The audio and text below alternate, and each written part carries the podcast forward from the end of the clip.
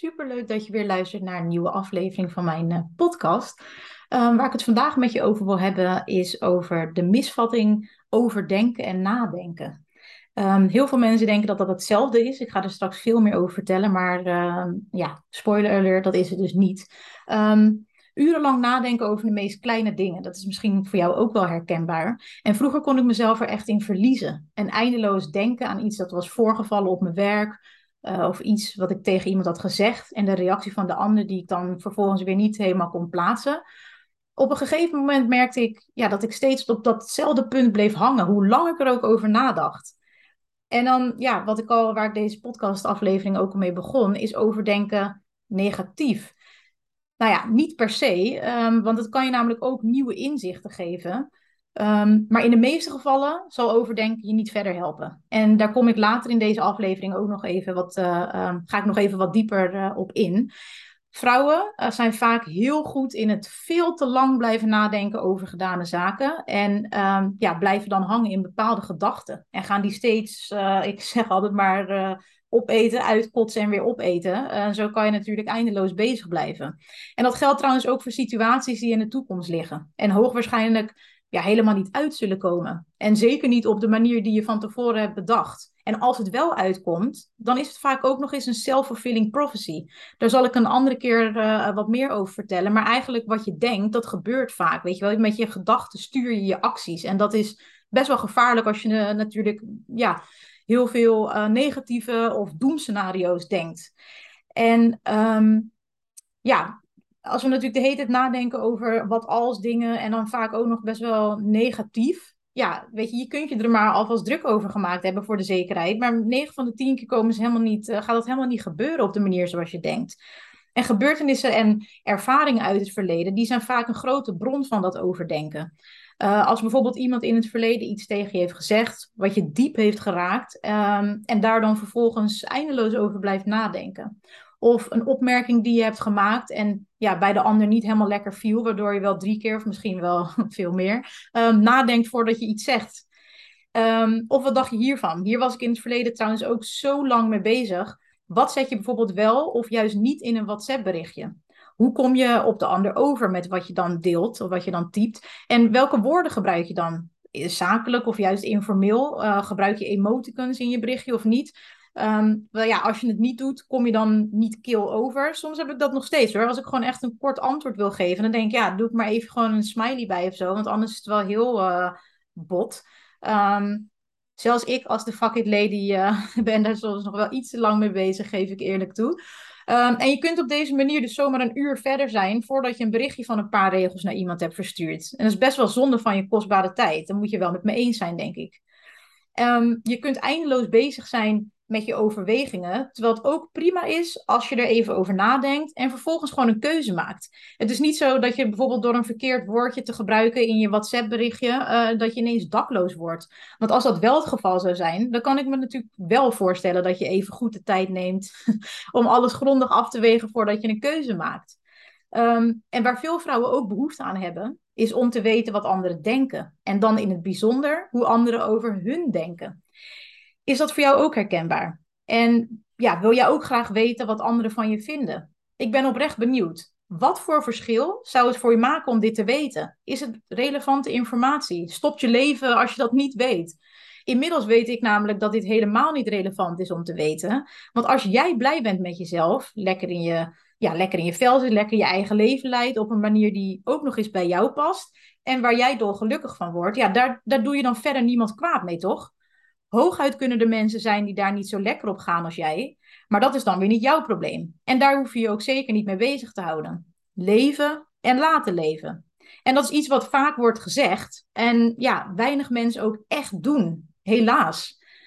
Maar ja, goed, even terug naar het onderwerp van vandaag. Hoe kom je dan af van dat vreselijk hinderlijke overdenken? En allereerst wil ik even beginnen met te zeggen dat overdenken en nadenken niet hetzelfde zijn. Ik herhaal het nog een keer overdenken en nadenken zijn niet hetzelfde. Dat wordt vaak wel gedacht. Um, ja, we weten allemaal dat overdenken ons niet verder helpt. En toch overdenken we ons massaal helemaal suf. Met als resultaat dat we ja, ons er vaak slechter door voelen in plaats van beter. Het helpt zelfs niet eens. En door te blijven malen, kom je in een ja, visieuze denkcirkel terecht. Waardoor hetgeen je aan het overdenken bent alleen maar groter wordt. Als je dit zo hoort, herken je dat dan? En daardoor zit overdenken, het vinden van een goede oplossing, dus ook in de weg. Want onderzoek heeft zelfs aangetoond dat mensen die overdenken minder goed in staat zijn om problemen op te kunnen lossen. Ik zeg het altijd heel simpel: nadenken zorgt voor oplossingen en overdenken zorgt voor problemen. Want je verzint zelfs gewoon problemen door te overdenken. Maar goed, als dus uit onderzoek blijkt dat het helemaal niet effectief is, hoezo doen we het dan wel massaal? En dat is vrij simpel te verklaren. Want we zijn er namelijk van overtuigd dat eindeloos nadenken over een situatie ons juist wel helpt. Uh, en we zien dit zelfs als constructief denken. Tegelijkertijd is het ook een veilige optie om dit te doen. Want ja, laten we gewoon eerlijk zijn tegen elkaar. Het geeft je ook niet echt het gevoel dat je in actie moet komen, toch? Of wel? Als je steeds natuurlijk voor iedere oplossing een probleem kunt bedenken, dan ga je nooit de noodzaak ervaren om, om een stap te zetten in de richting uh, waar je op wilt. En door lekker veilig in je hoofd te blijven zitten, hoef je ook niet uit je comfortzone te gaan. En loop je ook niet zo snel het risico om bijvoorbeeld um, afgewezen te worden of niet aardig te worden gevonden, om maar even een paar dwarsstraten te noemen. En natuurlijk ben ik me ervan bewust dat actie ondernemen niet altijd de makkelijkste weg is. Het is vaak wel de enige weg naar een betere situatie. Dus laat je eigen gedachten je echt niet van de wijs brengen. Als je bereid bent het moeilijke te doen, wordt daarna alles makkelijker. En dat werkt gewoon met alles zo. Ik deel graag met je wat mij hierbij heeft geholpen. Um, het is best wel simpel, want zoals je denk ik inmiddels wel weet, houd ik niet van allerlei bullshit en omslachtige dingen. Wat mij dus heeft geholpen, is mezelf, um, ja, wees je bewust van het feit dat je aan het overdenken bent. Als je eenmaal registreert van, oh, ik ben eigenlijk al best wel lang bezig met dezelfde bullshit, um, registreer dat en stuur dat bij. Benoem vervolgens waar je constant over nadenkt. Of ja, wat mij bijvoorbeeld heeft geholpen en nog steeds helpt, is om dat voor mezelf op te schrijven. Ik journal echt superveel, omdat ik gewoon heel graag uh, wil weten wat gebeurt er nou en hoe kan ik dat anders doen. En stel jezelf daarna de vraag: kan ik hier nu iets aan doen? Of weet je, nu is, je kan het ook iets oprekken, kan ik er op de korte termijn iets aan doen? Uh, en als het antwoord hierop ja is, maak dan een plan hoe je dit gaat doen. En als het antwoord hierop nee is, laat het dan los. En dat klinkt heel simpel, maar dat is het dus ook. Je moet jezelf hierin echt conditioneren. Gewoon, het, het vraagt wel wat, wat training en toewijding van jouw kant. Niks gaat vanzelf. Um, maar loslaten is dan het enige alternatief. Als je er niks aan kunt doen, hoe zou je er dan de hele tijd mee bezig blijven? En om echt te kunnen leven, is het belangrijk dat je los kunt laten. Het heeft namelijk geen zin om je vast te blijven houden aan zaken die je ja, op dit moment op de korte termijn of zelfs misschien helemaal niet kunt veranderen. Als je dit wel doet, dan bouw je spanning en frustratie op en dat komt je humeur vaak ook niet ten goede, wat dan vervolgens weer effect heeft op je omgeving. Je wordt gewoon geen leuk iemand om mee om te gaan. En dat klinkt heel hard, maar dat is gewoon zo. Niemand wil met een zuurpruim in zijn buurt eh, de dag doorbrengen. En los kunnen laten is echt belangrijk. Want één ding is zeker, je hebt nu eenmaal in het leven niet alles onder controle. En ja, ik vind eigenlijk dat dat het leven ook juist zo leuk maakt. Want als alles voorspelbaar zou zijn, dan zou het ook wel hartstikke saai zijn, toch? Waar je trouwens wel invloed op hebt, is hoe jij met dingen omgaat. We krijgen allemaal shit op ons pad, gratis en voor niks. En je hebt altijd een keuze hoe je ermee omgaat. Het is namelijk ook een keuze om je ergens eindeloos druk om te maken en het dus niet los te laten als je niet weet om te gaan met de onzekerheid die het leven met zich meebrengt, ja, dan kan ik me natuurlijk wel voorstellen dat je die onvoorspelbaarheid, om het even zo te noemen, als minder prettig ervaart. Ik heb dat zelf ook heel lang gehad.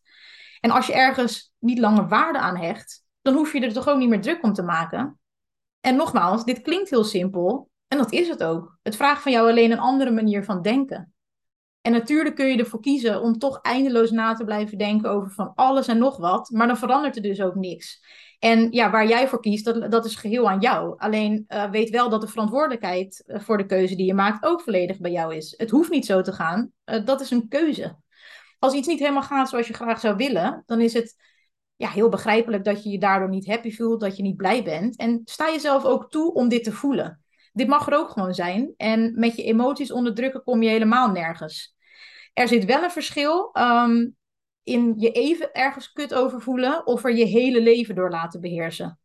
Zelf heb ik die momenten natuurlijk ook wel eens. Uh, ik sta mezelf dan toe om even flink te balen en echt even te denken, wat, wat een kutzooi.